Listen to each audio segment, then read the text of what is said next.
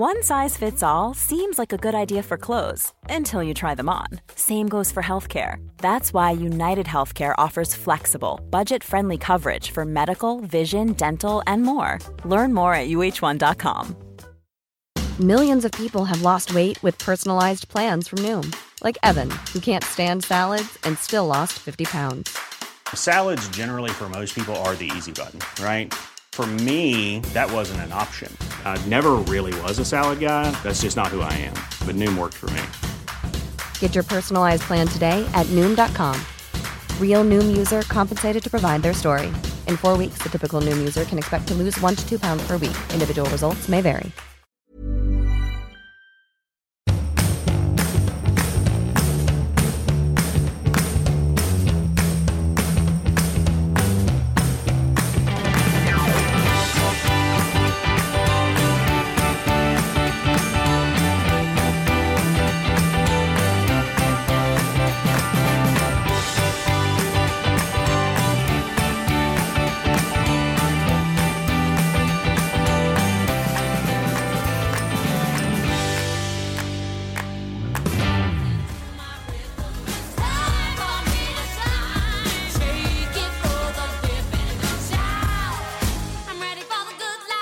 Gud vad gulligt! En liten eh, melodislinga så här på morgonkvisten. Morgonkvisten, det är det för mig med. Men här där jag befinner mig är klockan 03.18. Vad är klockan hos dig? Klockan är 09.18. Så vi är i alla fall synkade klockor fast... Och ett stort tidpunkter. hav emellan oss. Ett stort, stort hav. Jag är lite avis. Jag skulle ju följt med. Mm, vi saknar dig här i The Barefoot House. Ah. Intellectual Highway in Florida. Vi kan ju säga att vi, eh, eller ja, ni är nu på tjejhelg i Florida hos Mia Parnevik. Jag skulle ha följt med. Ja, vi är hos Mias Parneviks kompis Ylva, men vi är ju där. Ja. Ja. Hur, eh, vad har du för rum? Hur bor du? Nej, men jag och Klara Herngren delar rum. Eh, och Eh, det, är, det här huset är helt, helt sinnessjukt, måste jag säga. På alla sätt och vis. Jag ska försöka lägga upp lite på Instagram och sådär, så att man får feelingen på vad det är. Och imorgon kommer två massörer, eller massöser rättare sagt, eh, och tar hand om oss. Ja, de har hittat på något schema här liksom, så att vi är ju bara här och blir så sjukligt bortskämda. Eh, och det var ju bara väldigt lyckosamt att vi fick till det överhuvudtaget, för det verkade verkligen inte så ett tag. Nej, jag vet, jag vet. Och jag höll på fram och tillbaka hit och dit. Men när jag såg era förseningar där på Köpenhamns flygplats så tänkte jag så här, höggravid, ni sitter och vinar och dinar lite. Nej, det var nog kanske bra att jag inte... Men, du vet, jag tycker att transport är det absolut tråkigaste som finns på hela resan. Liksom. Så att, men du vet, jag tänker, jag har omvärderat lite. Jag ska börja njuta av transporten.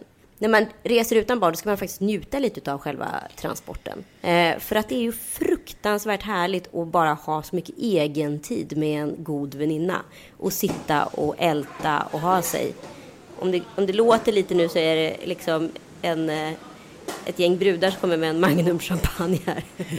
Men vad då? Ni kämpar på ändå halv tre på natten? Ja men alla kom idag liksom. Så att vi alla, några har flugit från Costa Rica, någon flög från Los Angeles och sen så kom vi några från Sverige. Så att vi alla liksom jetlaggade från olika håll, håll och kanter så att säga. Jag blev lite orolig när jag kollade på Kalle Balles Insta där det stod att du skulle vara borta en vecka. Det ska du väl inte? Nej, det Nej. där är så jäkla typiskt killar. Förlåt. Men alltså jag... Höfterna. Det här, nej men vänta ett tag. Alltså, så här, det här är kvinnligt och manligt. Det kan inte bli så mycket tydligare. Om jag åker bort, då åker jag alltså bort alltså en söndag till en fredag. Så att han får det så lätt som möjligt. Det vill säga att barnen är i förskola, eh, vi har hjälp en eftermiddag i veckan med barnvakt och jag har styrt upp så här fritidsaktiviteter med hämtning, lämning och sådana saker. Så Penny ska på något läkarbesök, det har jag bokat in fixat och ja, du vet, allting som ska göras, alla räkningar betalade jag innan jag åkte och så vidare.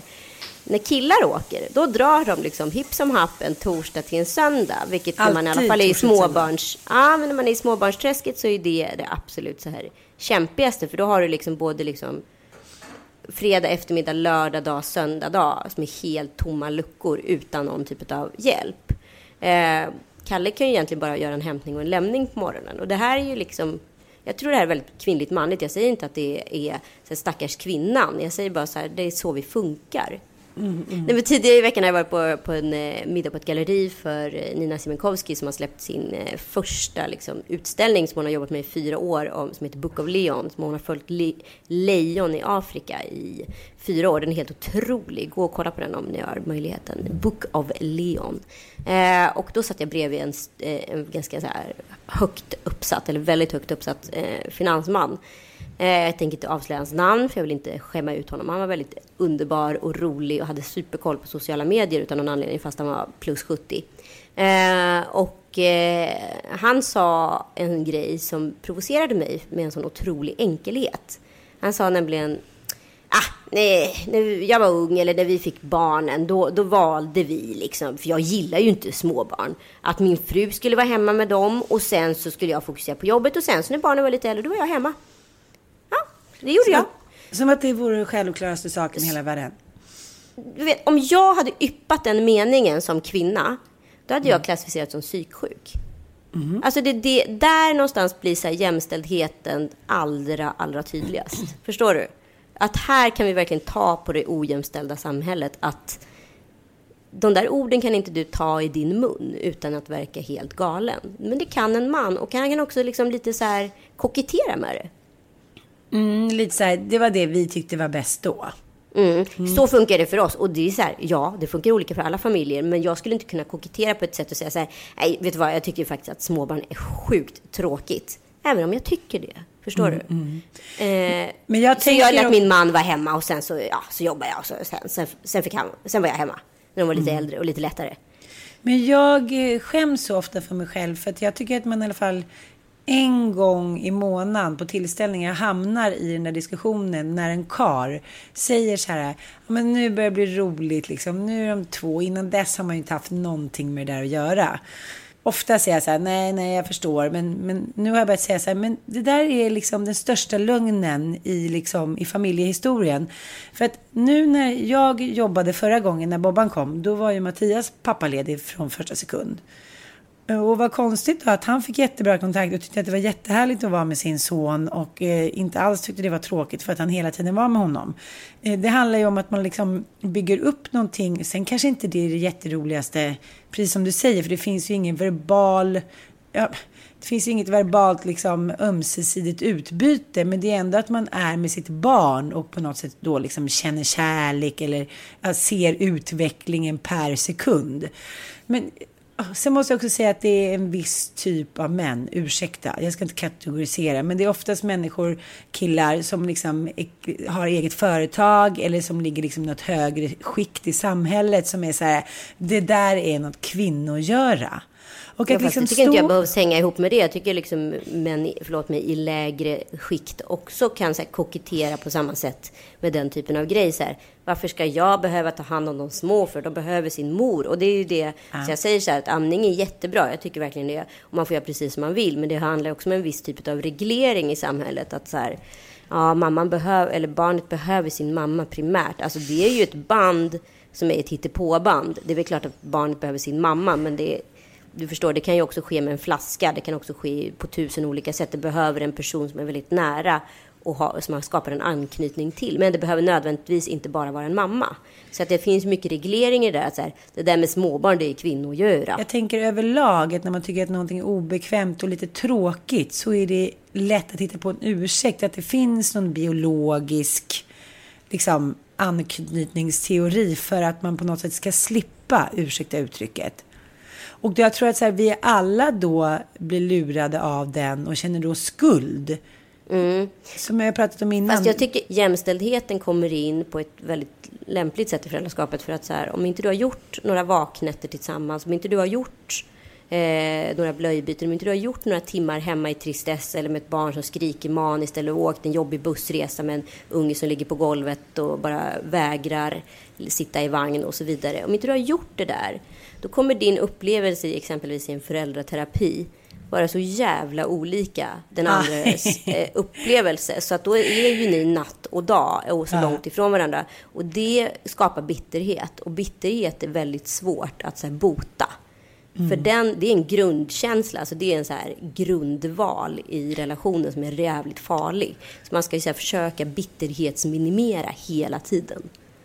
Och det är inte lätt. Det är Nej, verkligen nej, gud, inte det är lätt. inte lätt. Men, men jag tycker så här, bitterhet är liksom en så otroligt stor skygglapp. Den ligger liksom som en stor så här hölje runt människors ansikte.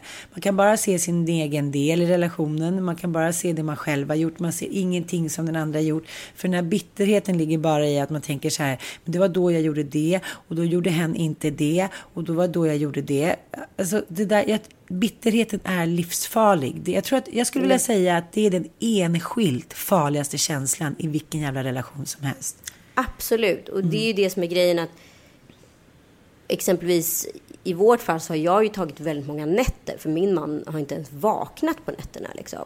Eh, och då upplever inte han heller så här att nätterna har varit ett problem. Och sen blir han kanske lite småirriterad, inklusive jag på honom, när jag är trött på dagarna. Han bara säger, gud vad du är trött hela tiden. Man bara så här, men jag har inte tagit nät- men jag tog ju natten. Ja, men nätterna, hur jobbigt kan det vara? Man bara, därför, förlåt mig, kan det vara ganska gött att vara borta ibland från varandra. För då får man ju liksom ombytta roller lite i hemmet. Och det handlar ju om mig också. Det är ju så att Kalle gör ju liksom allt med logistiken.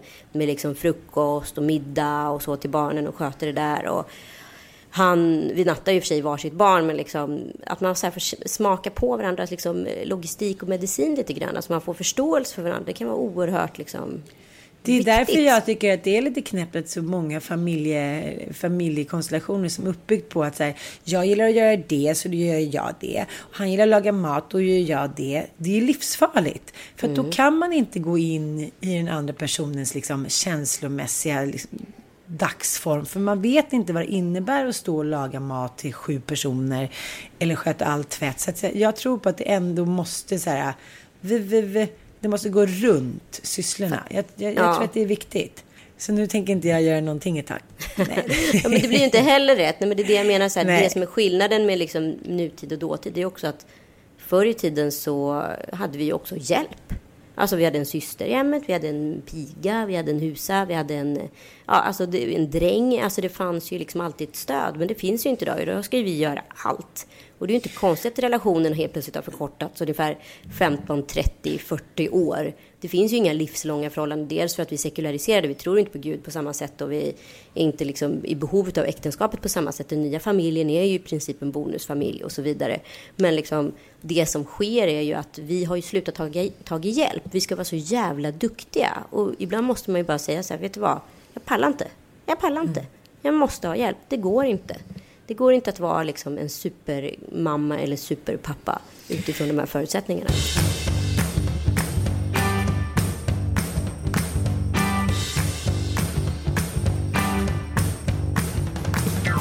Men som till exempel eh, men några av mina bästa kompisar. Där han vill ha alltså pedantisk ordning. Alltså jag menar så här. Om det ens är färska blommor så blir han liksom. Det börjar klia på honom. Och hon är lite så här bohemisk. Och så här, ja, men hon vill ha städat. Men det ska ändå vara lite blommor och lite grejer framme. Så man känner att man lever. Det kan ju bli ett stor, liksom, otroligt stort vardagsproblem. Men jag tycker också att vi kanske så här hakar upp oss väldigt mycket Vid på saker detaljer. som är så här, precis. Och när man väl har börjat göra det, då är det nästan omöjligt att ta sig därifrån. Till slut blir man ju så äcklad. Så att man är så här, gud, sluta tugga på det där sättet. Mm. Du fiser. Man liksom gör slut för så här barnsliga tvåårsgrejer. som att man tycker att det är så här, en kärlekspartner har degraderat till liksom ett jävla äckligt barn på något sätt. Nej, men jag, Men jag, jag undrar- förstår precis. Men det jag tänkte på, det är ju liksom att alla tjänster man ger varandra i början av relationen, de blir ju i slutändan alltså björntjänster. Det är det jag menar Mm, med att så här, oh, men hon älskar att städa och hålla ordning. Det blir till sist så här, hon är helt galen pedant. Ja. Förstår du? Och så vidare. Men jag, jo, men jag tänker att det är så Han är så här, himla det är kul. Han är symptom. som problem, alkoholproblem. Ja. Jo, men jag tycker man ser det också hos sina närmsta vänner. Att, ett, som en jättenära kompis till mig. Hennes man pratar ju hela tiden. Alltså så här, hela tiden. Och det tyckte hon var jättehärligt i början. Han är så underhållande. Han älskar, han är så social. Nu är hon så här, nej men han får inte följa med. Jag går på fest själv. För att jag hamnar i skymundan hela tiden. Han tar över varenda jävla diskussion. Mm. Han får inte följa med. Vi går på fest ibland tillsammans. Så att, men jag tänker också att man kanske inte behöver se att allting ska vara så homogent. Och allting ska vara liksom att man bara går i en härlig stor kärleksmassa. Blir det så att man känner att man liksom inte får vara med, nej men då får man gå på olika fester. Alltså man kan ju åtgärda det. Jo, men i Förstår slutändan, det finns, ju, det finns ju en dubbelhet i det där. Alltså antingen så klarar du då att ha, att befinna dig i ett förhållande och ha per definition en, en outtalad, uttalad paus från varandra för att stå ut. Alltså man kan uh. nästan leva parallella liv uh. i relationen. Man kan gå parallellt och liksom mötas.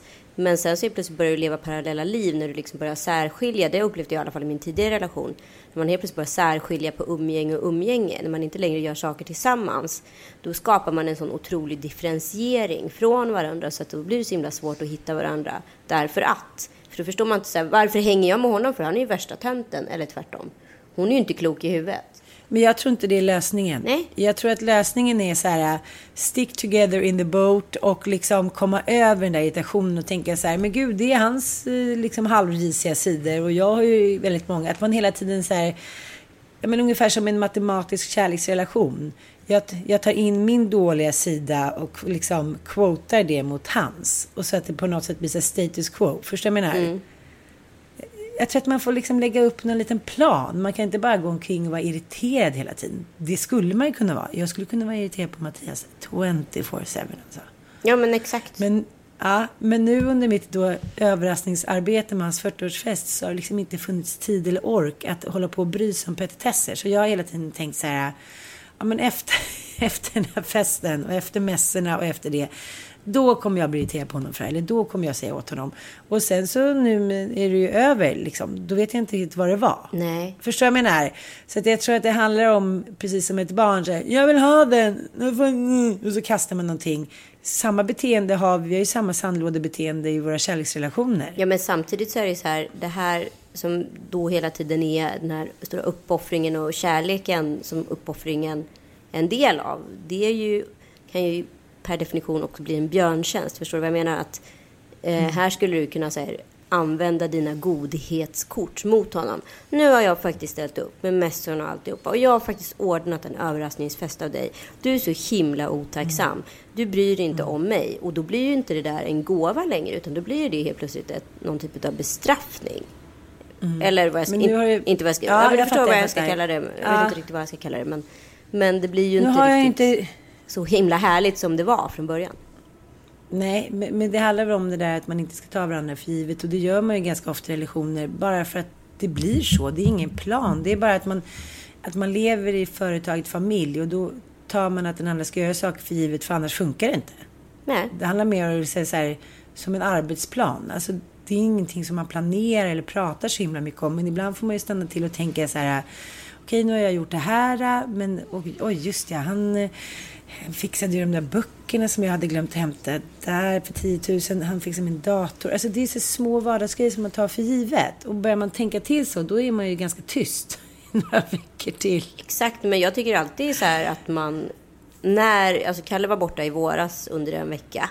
Och man liksom fick ta mm. hela logistikpaketet. Sen löser man det ju utifrån ens egna möjligheter och hur man är, hur man är van att så agera i vardagen. Alltså, vi har ju två helt mm. olika ingångar på det här. Jag är ju väldigt så här, som jag sagt tidigare, jag är väldigt praktiskt logisk och han är väldigt så här känslosam och är väldigt mycket i stunden på ett sätt som jag kanske aldrig är. Och det kan jag ju störa mig på mig själv att jag inte är.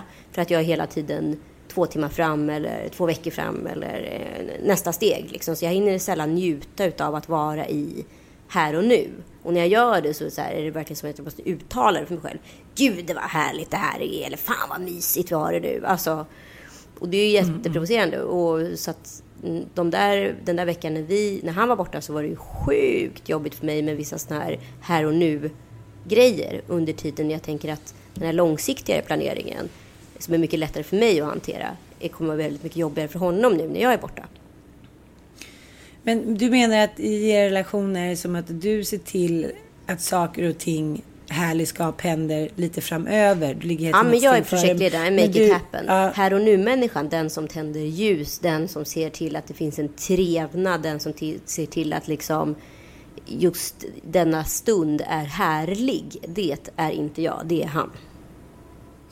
Men känner du så att det är också så med barnen att så här, han planerar spontangrejer, nu, nu leker vi, lägger pussel och liknande. Det har du också svårt för för att du hela tiden ligger ett steg Nej, framme. jag är nog mer den som, om man kollar på så här, att sitta och pärla med Penny eller att vi så här, gör något projekt eller bygger någon grej eller vad det nu är. Det är alltid jag som leker med lego med henne, det är alltid jag som håller på och sminkar, det är alltid jag som pärlar. Alltså, vi är mycket mer hands-on när det kommer till aktiviteter. Jag är aktivitetsmamma liksom. Kalle är mer liksom eh, showrunner när det kommer till det husliga. Förstår du? Kalle hatar att gå liksom, på balletten. Eh, men han gör det. Han sitter av tiden för han vet att det är viktigt för henne. Eh, jag tycker att det är ganska kul. Förstår du? Det är två olika Ja. ingångar. Men jag tycker ändå att ni låter som en jävligt bra kombo. Jo, men det tror jag i grunden, i, liksom, i grunden att vi är. Sen så kan man ju liksom tappa bort sig själv där i mitten ibland och bara känna sig men du då, men du då, men du då. Nu får jag kaffa min man här.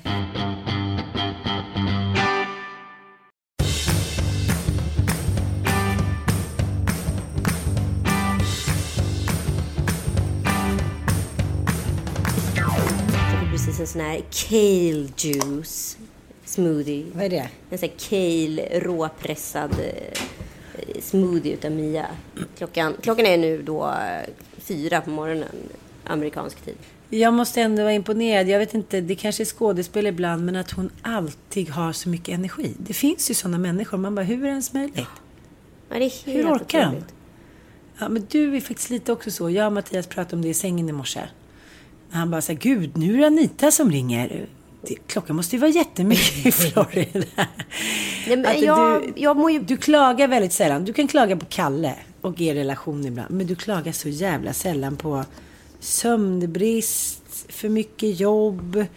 Ja, det, det, jag tycker det är fascinerande. Om jag har en do-it-lista så mår jag som bäst. Då känner jag mig som mest helad som människa där de punkterna på do-it-listan är avcheckade. Och det här är ju en punkt som avcheckas nu.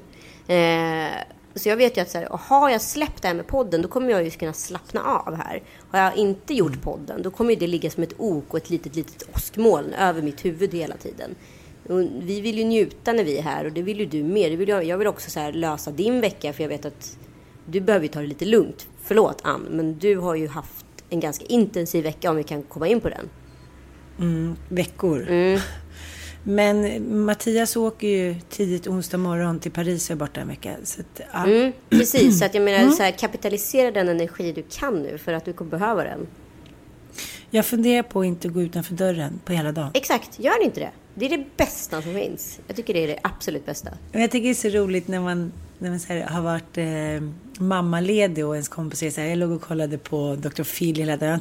Liksom, jag förstår inte, hur ska man komma ut liksom, genom dörren? Det vill säga, duscha, bla bla. För mig har det aldrig varit, jag var så här, jaha, kan man ligga och kolla på film? Kan man göra så där lite, ja men. Det ligger liksom inte riktigt för mig. Men så tänker jag så här, nej. Men det är väl också en vanesak eller en övningssak. Det kan väl också ligga för mig. Jag tänker att man hela tiden ska här, kategorisera andra människor men även sig själv. Det är inte sån jag är. Då blir jag rastlös. Det skulle jag aldrig klara av. Jag skulle inte kunna vara ledig. Jag skulle inte... Det, det, det. Du vet, bara man testar och kommer över den där första gränsen, då är säkert sånt helt underbart. Men jag upplever i alla fall att jag är en sån här person som... Jag har många ambitioner utav att göra saker och ting eller testa saker utanför min egen comfort zone. Men i slutändan är det jag njuter utav mest när jag är hemma, det är typ ligga i sängen och mata en serie eller sitta i soffan. Alltså att sitta mycket. Eller liksom vara i köket. Men liksom allra helst vill jag liksom krypa in och gosa, för det är det hemmet är. Och tänk på tiden innan man skaffar barn. Stod du någonsin upp i ditt hem? Alltså jag låg antingen i en soffa eller så låg jag i sängen. Det var typ de två ytorna jag så agerade mellan. Ett hem är ju liksom till för att så här, sitta i. Ja, men jag vet. Men det händer ju inte mig, känns det som. Men jag tänker att varannan vecka kan du göra det lite mer. Men det är så att när man är redan är så uppe i varv. Och där kan vi ha ett problem att jag är så här, men gud, han skulle kunna sitta och kolla på golf hela helgen. Och så var ju även mitt ex. Och då började jag liksom omvärdera det lite. De kanske är lite mer normala, men att jag hela tiden har varit så uppe i varv. Så att jag har inte lyckats liksom komma ner till deras comfort zone. Nej, men det är det jag menar, för jag märkte ju en sjuk grej med dig när vi var på barnmässan i Karlstad. Det här var ju liksom, jag fick ju nästan säga, nu är hon ju galen på riktigt. Nu är hon inte bara låtsasgalen, utan hon riktigt jävla knäpp i huvudet. Det var ju när du bara, det var ju bara jag, Penny, Tom Allan och så var det dina tre grabs liksom. Mm. Eh, och Bobban var hemma. Bobban var hemma. På grund av att du hade ljugit. Ja, ja, kan vi släppa det nu? Jag ljög inte, det var ett missförstånd. Skitsamma. Hur som helst. Men då går ju du liksom till poolen med Tom Allan och Penny. För att så här, istället för att bara så här, njuta och ligga och löka på hotellrummet. Alla mådde bra. De låg och kollade på sina paddor och Tom Allan låg och chillade och gjorde väl något knasigt liksom som man brukar. Men du vet, då, så är, då är du så pass dampig ändå så att då måste du göra någonting. Nej, nej, nej. Det är en mycket, mycket svårare, djupare och mer komplicit förklaring till varför jag gör så. Varför då? Ehm, jag tror att det handlar om dels att jag tror att de behöver mig och gör något roligt när jag då inte har kunnat uppmärksamma dem under hela dagen. Förstår du? Att jag vill kompensera dem då med någonting härligt. Men varför ska du dra in mina barn i det när du inte behöver? Nej, för att jag klarar inte av, då tycker jag synd om dina barn. Det har alltid varit min akilleshäl. Jag tycker alltid synd om dem som inte får vara med. Vilket gör att det också så här, alltid blir för många människor på fester, alltid blir för många ungar som sover över. Men samtidigt säger jag så här, okej, men då är det så jag är. Och känner jag att jag har kapaciteten, då gör jag det. Men efter den här överraskningsfesten, alltså igår. Du så här, är ju nej, gravid människa och ganska sent gången i din graviditet. Just det. Mm. ja, nej, så jag tror att det handlar om också med deras barndom, att man har kanske en man som inte på samma sätt gör sociala grejer och tänker när det är min vecka, då måste jag kompensera det. Alltså det, det är hela tiden en psykologisk brottning i hur jag tycker att barns uppväxt ska vara. Mm. Och så vill jag försöka förverkliga det. Jag har blivit, gud, jag har blivit så mycket bättre. Uff, har, du skulle inte liksom förstå hur det var när de andra barnen Men var små. Här- försök att delge lite då. Dels flyttade vi hela tiden för att jag ville så här, hitta det perfekta boendet. Bara, åh, en Pippi Långstrump-villa. Åh, ett sommarhus. Åh. Sen skulle det göras mysigt och handlas nya möbler och tapetseras och bakas och köpas liksom grejer och sättas upp grejer på väggarna så att de skulle bli liksom motiverade och eh, få kreativ förmåga. Jag skulle på teater, jag skulle ha middag, jag skulle... Alltså, det var bara total liksom galenskap Men hela det låter tiden. ju mer egentligen som det handlar om alltså, ditt stora så här, livssår och liksom egna typ av så här dåliga... Alltså det är det jag menar. Det finns två olika sätt att Mm. se på någons barndom. Alltså antingen så tänker man så här jag hoppas mitt barn blir lyckliga och jag hoppas att jag ger dem en ba- bra barndom. Och sen så skuldbelägger man sig själv och så försöker man vara så aktiv som möjligt för att ge någon en perfekt barndom så kommer ändå barnen pissa på en för de bara det var, alltid, var alltid för jävla mycket grejer, du skulle alltid hålla på. Och så, så känner man sig så jävla dum som morsa. Eller så bara så är man den som morsa som bara skiter i allt, höll jag på att säga. Men, eller liksom inte gör det. Och, eh, Fast jag tycker att det är en svår balans också. För jag tycker att vissa saker ska barn liksom inte genomgå, men, men eh, alltså på något sätt utvecklas genom, eh, så här, fostras till liksom kollektiva medborgare. Och det gör man bara genom till exempel vara med i ett fotbollslag eller Men spela ett instrument eller vara på sociala middagar. Men, men för mig handlar det om att jag har sakta men säkert förstått att liksom, det är ganska perfekt kombo att hemma hos pappan är lugn och ro och de är på sina rum och sen så gör de någon liten badar på lördagen och alla vet liksom precis hur livet ser ut och hemma hos mig är det inte så. Eh, och att det tillsammans blir någon form av liksom, ja men organisk perfekt massa. Men det där Eh, är så så att det- olika för att eh, jag vet en kvinna som är frånskild från sin man och de har en gemensam dotter tillsammans. Pappan har liksom satt in dottern på fyra stycken olika så här, elitgymnastgrenar och grejer och tennis och allt vad det är som hon ska göra hela veckan. Och egentligen det enda hon ville bara vara hemma och löka. För att, men hon vågar inte säga det till sin pappa för att göra honom besviken. För han är så mån av att ge henne den perfekta barndomen enligt vad han tror är den perfekta barndomen. Förstår du? Alltså det är två parallella samtal. Jag vet, men det handlar ju också om att vi föreställer oss så himla mycket hur barnen ska ha det. Mm. Men samtidigt, jag tycker att det där är svårt. Nu tycker inte jag att liksom, man ska ha 16 grejer per vecka. Men jag, jag är väldigt inne på att man ska ha i alla fall en aktivitet. Så att jag anmäler ju dem till både det ena och det andra. Det är gitarrkurser hos gamla tanter som är halvblinda och det är liksom skidresor. och sen så har jag inte haft så himla mycket hjälp då. Så då har det ju blivit att vi kommer för sent. Eller jag får inte på skidorna. Alltså det blir ju liksom hela tiden min uppskattade förmåga av min egen kapacitet är ju högre än vad som är fysiskt möjligt för någon människa i hela världen. Ja, för alltså, när man pratar med dig så kan man ju ibland tro att du är kvantfysiker med tanke på att du ska beama dig mellan liksom olika platser. Men jag är där om tio minuter. Man bara, fast nu är ju du i så här, Södertälje. Säffle håller föreläsning. Men eh, jag, jag tänkte på det efter den här, de här två senaste veckorna. Jag bara, du vet när man är så uppe i varv man bara, jag klarar det, jag klarar det. När man kollar på pappret sen så bara, men gud, hur är det ens Alltså, du ska vara så möjligt? jäkla glad av att du har Jenny och Lotta och alla dina och Breezan och alla dina fina väninnor som alltså alltid finns där som din liksom ryggrad. För att så här, utan Ja, dem skulle inte herregud. du så här, klara dig. Med tanke på hur mycket liksom infall, idéer och härligskap du vill skapa som inte kanske räcker hela vägen för din egen förmåga alla gånger. Nej, de finns där. Mm. Jag hoppas att de känner att de får någonting tillbaka. Det hoppas jag med. Ja, men det tror jag. Det tror jag, jag tror det i alla fall. Nej, men den här överrasknings 40-årsfesten. Jag har tänkt så mycket på när man ska överraska för någon, hur mycket som kan gå fel. Mhm. Jag tycker att det är en underbar tanke att man så här, äh, slipper uttrycka sina önskningar. Ja, det skulle jag vilja att vi var på den där krogen. Jag gör ju alltid det till dig. Jag bara, om det blir möjligt, då vill jag åka till New York. att det ska vara rosa ljus. Jo, men det är ju det att jag fortfarande inte har liksom erkänt för mig själv att jag på det sättet är en kontrollmänniska. Jag vill att det ska vara på ett visst sätt i min liksom regisserade film, annars tycker jag inte att det är roligt. Nej. Så att för mig är egentligen att anordna en överraskningsfest så här, det ultimata liksom, sättet för mig att så här, få utlopp för allt.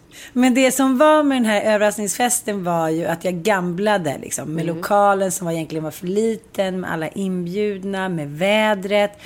Men, alltså hinna med. Men du vet när allting blir, som jag säger, man är under en lycklig stjärna under 24 timmar. Min plan var ju Mattias går ut genom dörren till mässan då när han står med sin lilla cirkuslampa. Och eh, han vet ingenting. Han kommer bara få sms under dagen. Sen vet han att saker och ting ska hända. Men han trodde ju hela tiden att du och jag och Kalle eh, och han skulle gå på Guldknappen. Nej men gud vad roligt. Ja. Sen skickar ju du någon liten film. Vi ses snart. Exakt, jag tänkte det var lite kryptiskt. Det vet man inte vad Ja. det betyder. Nej, men det var väldigt bra. Det var både idiotiskt och väldigt bra i efterhand. För dels så var det så här, jaha, men då ses vi någonstans. Men då blev han ju bara ännu mer tvärsäker på. För då kom han till hotellet då klockan två och då stod hans fem bästa polare där i, i sviten där uppe på Anglev Humlan med champagne och bricka och bla bla bla. Men sen efter en timme så, här, så då går ni och så säger, skyller ni på mig att jag har planerat så dåligt så får ni höras lite senare. Och han blev så ledsen. Och han ringde mig och bara, de har gått Ann. Jag bara, men gud, är det Bobo som ringer? Nej, men gud. De har gått mamma.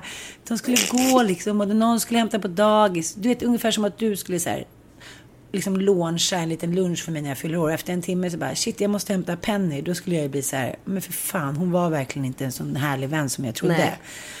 Så han är superdeppig och sitter där dricker tre glas champagne och är på gång. Och, eh, jaha, och då får han ett nytt sms. Då så ska han komma då till Gigi och bli fixad i skägget och håret och sådär.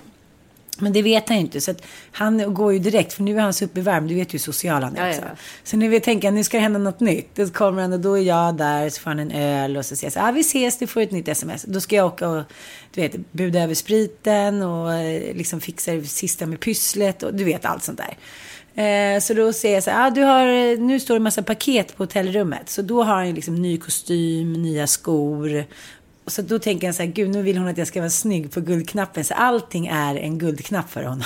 Ja men gud vad Han är så här, han är så här, ja, men det är väl roligt, det är kul att träffa Kalle Anita, men det är så jävla kärringfest tycker han. Liksom. Han vet, ja. Så kommer jag tillbaka, då har jag med, så stressad, alla kommer klockan sex, jag kommer hem igen halv sex till hotellet. Oduschad, skäggig som en gorilla, eh, trolle. Ja, men jag tänkte att jag ändå skulle så här, fräscha till mig lite. Men jag har i alla fall fixat håret. Så bra. och ny klänning och allting. Och då står han där i sin nya kostym som sitter som en smäck. Och liksom, Åh, ja men du vet. han var så fin. Ja, men, ja, lyckans minut. Och sen bara, "Uh, nu måste vi sticka. Och så iväg. Och så tänker jag bara så här, gud, tänk om det skulle ha regnat. Och den där innergården med alla kulörta lyktor och mexikanska och livebandet som stod där. Nej men alltså jag fick sån panik. Då kommer vi ner där, då står ju alla där med masker. Jenny har ju gjort sig masker. Jag har ju skickat massa bilder från när han är yngre. Väldigt roliga bilder. Och då står ju alla så här med masker och helt tysta. Så när han kommer runt hörnet på det lilla torget där vid Mosebacke matstudio. Då börjar ju livebandet att sjunga och alla, han vet ju inte vilka det är ändå. För alla har ju såna här roliga masker med gamla bilder och urklippta ögon med honom då. Så de står ju så flera minuter och han blir mer och mer stressad. Och sen tar de ner dem och alla sjunger ja må han leva. Så det var ju liksom, men så perfekt. Och alla ballonger, ja men du fattar. Det är fantastiskt. Ja, och han är så lycklig. Så att jag har aldrig sett honom så lycklig. Sen vet jag inte hur han kom hem. Han åkte hem hit och hamnade fel och blev utslängd från taxin. kom hem, han sa inte ens hej. Han bara doink. Doink. Ja, och sen vill han ju prata om det här liksom hela helgen, hur fantastiskt det var. Och tror du alla hade kul och du vet. Och till slut så, jag bara kände så här, jag hade ju varit så uppfylld av honom i så många veckor. Ja. Hela mitt liv hade ju liksom bara varit Mattias. Så när min bästis då frågade om hon kunde ta med sig en ballong hem. Jag hade ju så här 20 uppblåsta, Matti, grattis Mattias 40 och hjärtan och grejer. Såna här. Vad heter såna där Ja, såna där. ballonger? Ja. Ja, uppblåsta stora. Hon bara, jag tar med mig eh, en bokstav hem till Stella, hennes dotter. Du vet, då är jag så inne på Mattias och så aggressiv i min possessivitet mot att han ska ha en härlig födelsedag. Det får du, nej, det får du fråga honom om. Liksom. Nej, De har gud, flugit iväg hälften av ballongerna hit dit. Och sen kom jag på mig själv, jag bara, men det är klart, ta alla ballonger du Vi ska ju inte ha dem liksom. Hon bara, jaha. Så hon smsade dagen efter, så här, förlåt att vi tog ballonger. Men jag bara, men gud. gud, förlåt, jag skäms så mycket. Ta alla ballonger du vill. Du vet, man är så inställd på någon. Och sen var jag klar. Så när Mattias då ville gå igenom det här hela helgen, då var jag så här, jag var så irriterad på honom. Den var så äcklig, den luktade illa, så barnslig, tråkig. Du vet, jag, liksom, jag var klar med honom för resten av mitt liv kändes det som. Men igår blev jag lite kär igen. Ja, men vad bra. Men jag gjorde ju en sån här överraskningsfest för Kalle när han fyllde 35. Vi åkte ju, Så då vad heter det, kidnappade jag honom egentligen utanför lägenheten. För han, han hade precis varit och lämna barn, eller skulle gå och lämna barn, trodde han. Men då hade jag styrt upp med barnvakt som kom och hämtade. Eh, och sen så spelade jag eh, den här 50 Cent eh, in the club. Och han fattar absolut ingenting. Han bara, jaha, här står du och dansar lite hiphop. typ. Go Jag shorty, bara- it's your Ja, birthday. exakt. Jag bara, ja det står ju också en svart liksom Uber typ limo där höll jag på att säga. Men ja men du vet, en sån här Merca liksom. Som vi ska ta oss till Arlanda och vi ska åka någonstans. Och så först åkte vi då till Paris.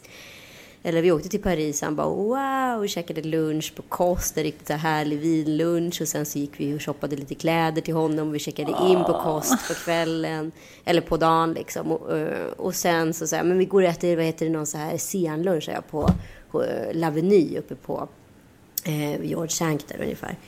Eh, Och så gick vi dit och då är alla polare där uppe. Var inte det roligt? Nej, jag ryser. Alltså det var så roligt. och sen så lyckades vi genom, jag kallar en kompis som heter Jonas Olsson som är väldigt god vän med Zlatan. Så Zlatan spelade då för Paris Saint-Germain. Så Zlatan fixade in oss på Paris roligaste nattklubb som heter Silencio.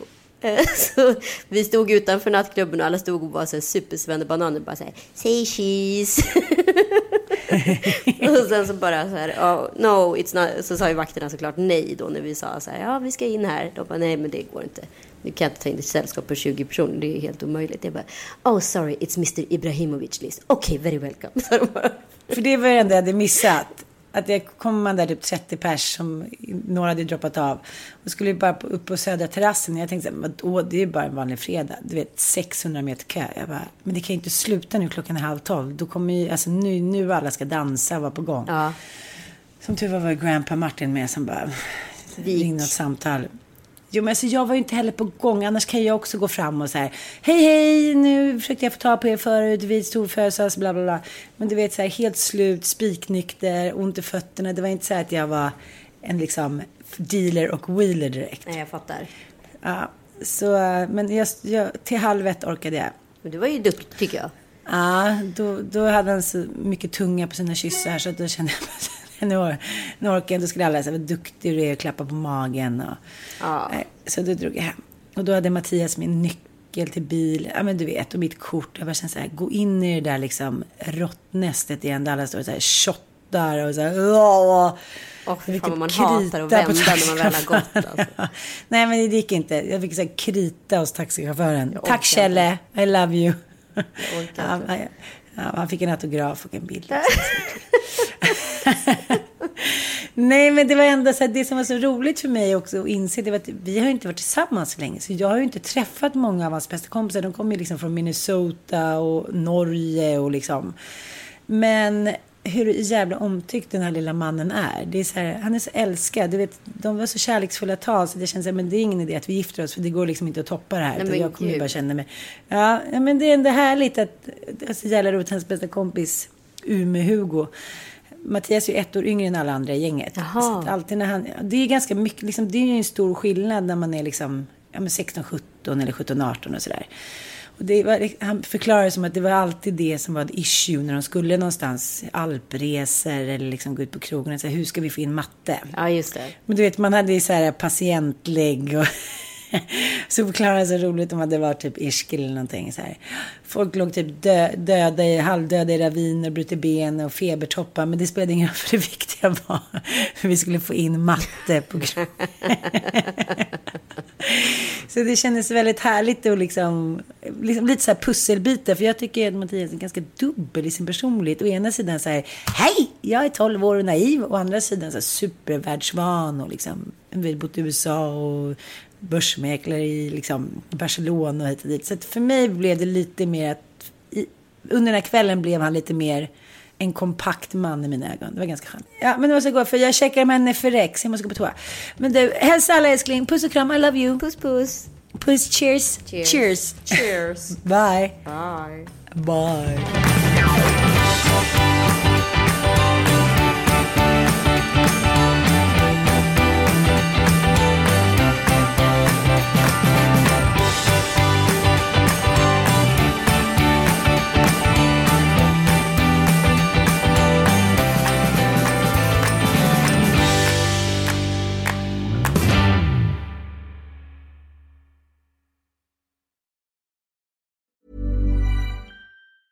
Planning for your next trip? Elevate your travel style with Quince. Quince has all the jet setting essentials you'll want for your next getaway, like European linen, premium luggage options, buttery soft Italian leather bags, and so much more. And is all priced at 50 to 80% less than similar brands. Plus, Quince only works with factories that use safe and ethical manufacturing practices. Pack your bags with high-quality essentials you'll be wearing for vacations to come with Quince. Go to quince.com slash pack for free shipping and 365-day returns. Hi, I'm Daniel, founder of Pretty Litter. Did you know cats tend to hide symptoms of sickness and pain? I learned this the hard way after losing my cat, Gingy. So I created Pretty Litter, a health monitoring litter that helps detect early signs of illness by changing colors, saving you money and potentially your cat's life. Pretty Litter is veterinarian developed, and it's the easiest way to keep tabs on your fur baby's health right at home. Go to prettylitter.com and use code ACAST for 20% off your first order and a free cat toy. Terms and conditions apply. See site for details.